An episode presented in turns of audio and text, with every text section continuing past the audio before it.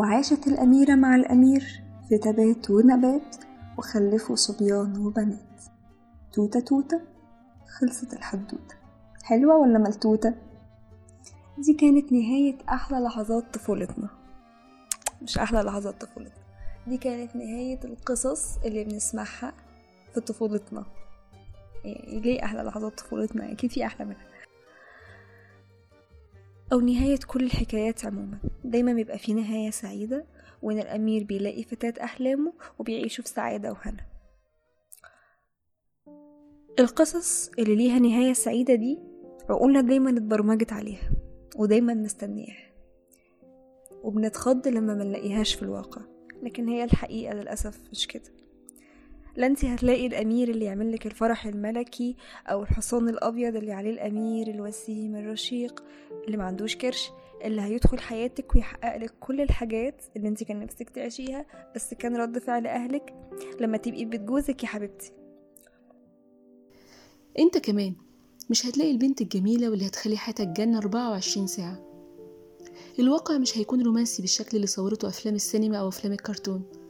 وده لأن الرومانسية في حد ذاتها حالة حديثة ما يعرفهاش الناس قبل القرن التمنتاشر. طبعا هتقول ده كلام غلط. من أيام الملكة حتشبسوت وفي حب. أنت صح. بس أنت برضو استعجلت. لأن الرومانسية مش حب والحب مش لازم يكون رومانسي. قبل ما نعرف ده إزاي أحب نفكركم إن معاكم أنا داليا إبراهيم. أنا دعاء برباوي أنا محمد رفعت وده بودكاست نقطة.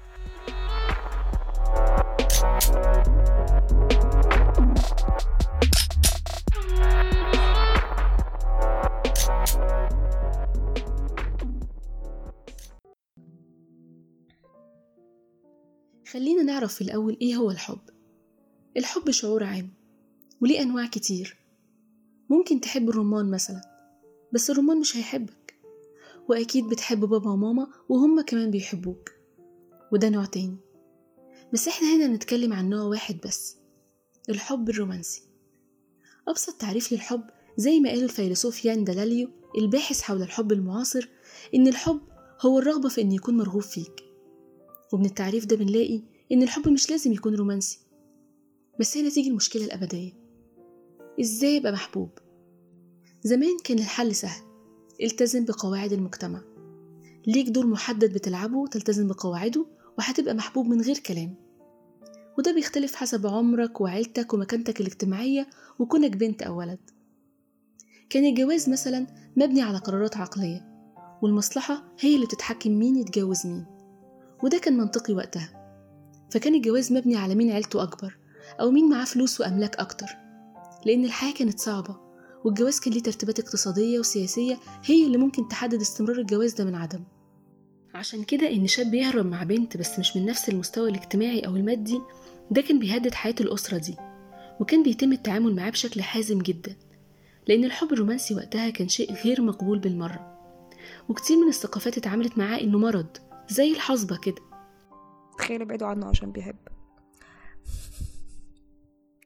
وفي قصص زي روميو وجولييت ما كانتش قصص نهايتها سعيدة. وكان الهدف منها وقتها إنها تحذرك من العواقب السيئة المحتملة للحب اللي من النوع ده.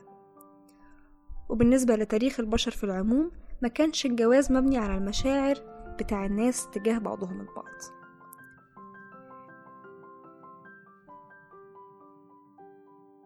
كان الحب الرومانسي في المجمل مقتصر على العشيقات أو بتسمع عنه في قصائد الشعر. مش معنى كده إنه ما كانش موجود بس ما كانش مقبول في المجتمع. مع بداية العصر الصناعي حياة البشر عموما اتغيرت. أنا ما بقتش مرتبط بأرض أهلي أو بنسايبي أو بجوزي علشان أعيش. أنا أقدر أشتغل وأكسب من شغلي وأعول نفسي من غير ما أبقى مرتبط بأسرتي. ما عادش للأسباب الاقتصادية معنى في الجواز. وحل محلها حقوق الشخص الفردية. منها حقه في إنه يشعر إن هو سعيد وإن هو يحب ويتحب بأفضل شكل ممكن بالنسبة له. وإن يكون نتيجة ده إنه طبعا يتجوز علشان الحب. وإن الحب إنك تعيش في نعيم للأبد. ودي كانت فكرة جميلة للناس وللمستثمرين. ليه بقى؟ لأن الرومانسية سهلة البيع. مفيش حد فينا ما تأثرش هو بيشوف النهاية السعيدة.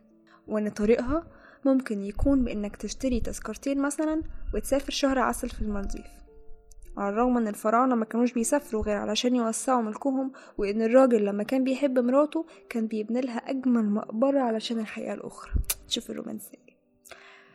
الناس مش بتتولد وهي بتحلم بفستان أبيض أو بليلة العمر اللي بتتكلف مبالغ كبيرة أو خواتم الذهب والتوينز. البشر بيتعلموا ده من الأفلام والمسلسلات والروايات والقصص ومؤخرا بقى الفيسبوك. تبقى مستنية الولد اللي هيربط لك كوتشي في الشارع.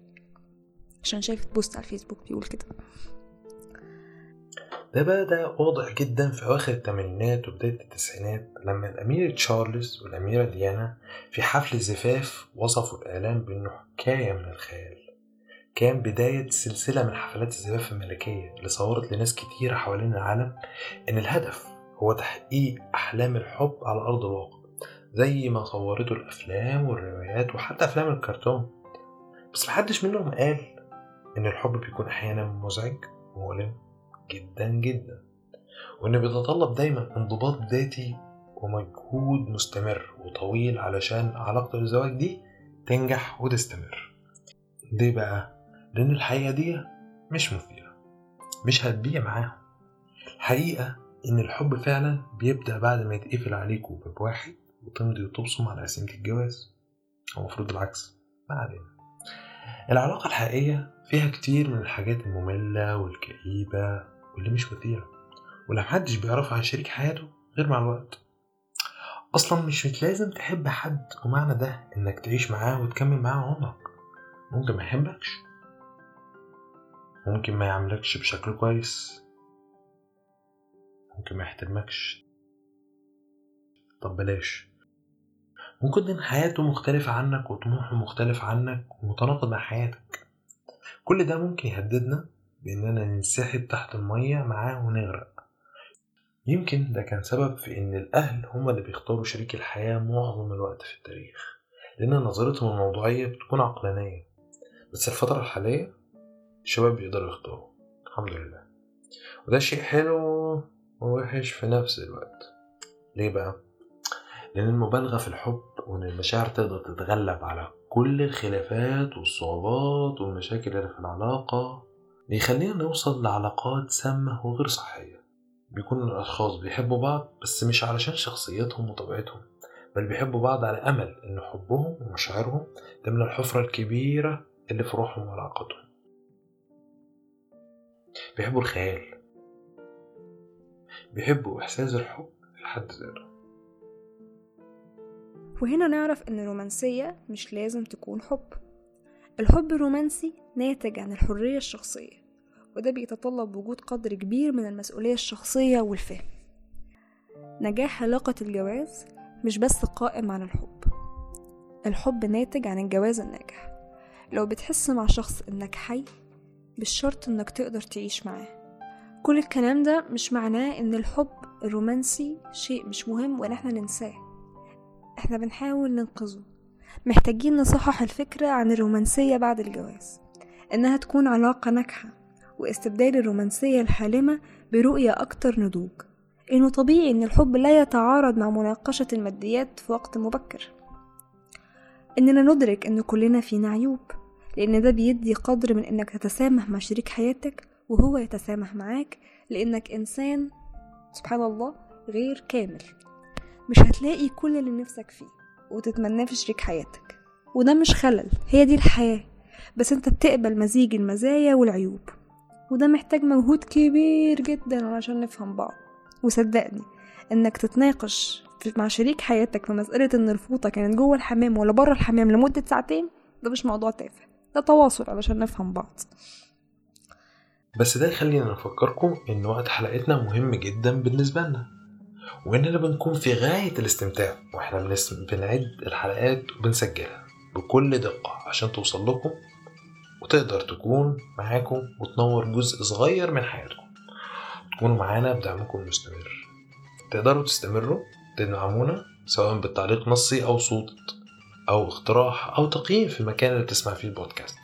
ونتمنى منكم مشاركة الحلقة دي مع أي حد يهمه الموضوع أو ممكن ينور جزء من حياته. تقدروا تتابعونا على وسائل التواصل الاجتماعي من خلال البحث عن بودكاست نقطة بالعربي أو الإنجليش. كل المصادر موجودة في وصف الحلقة. كان معاكم محمد رفعت. سلام. ما انتش قد الحب يا قلبي ولا قد حكاياته. ليه عايزني من دلوقتي أحكي لك رواياته.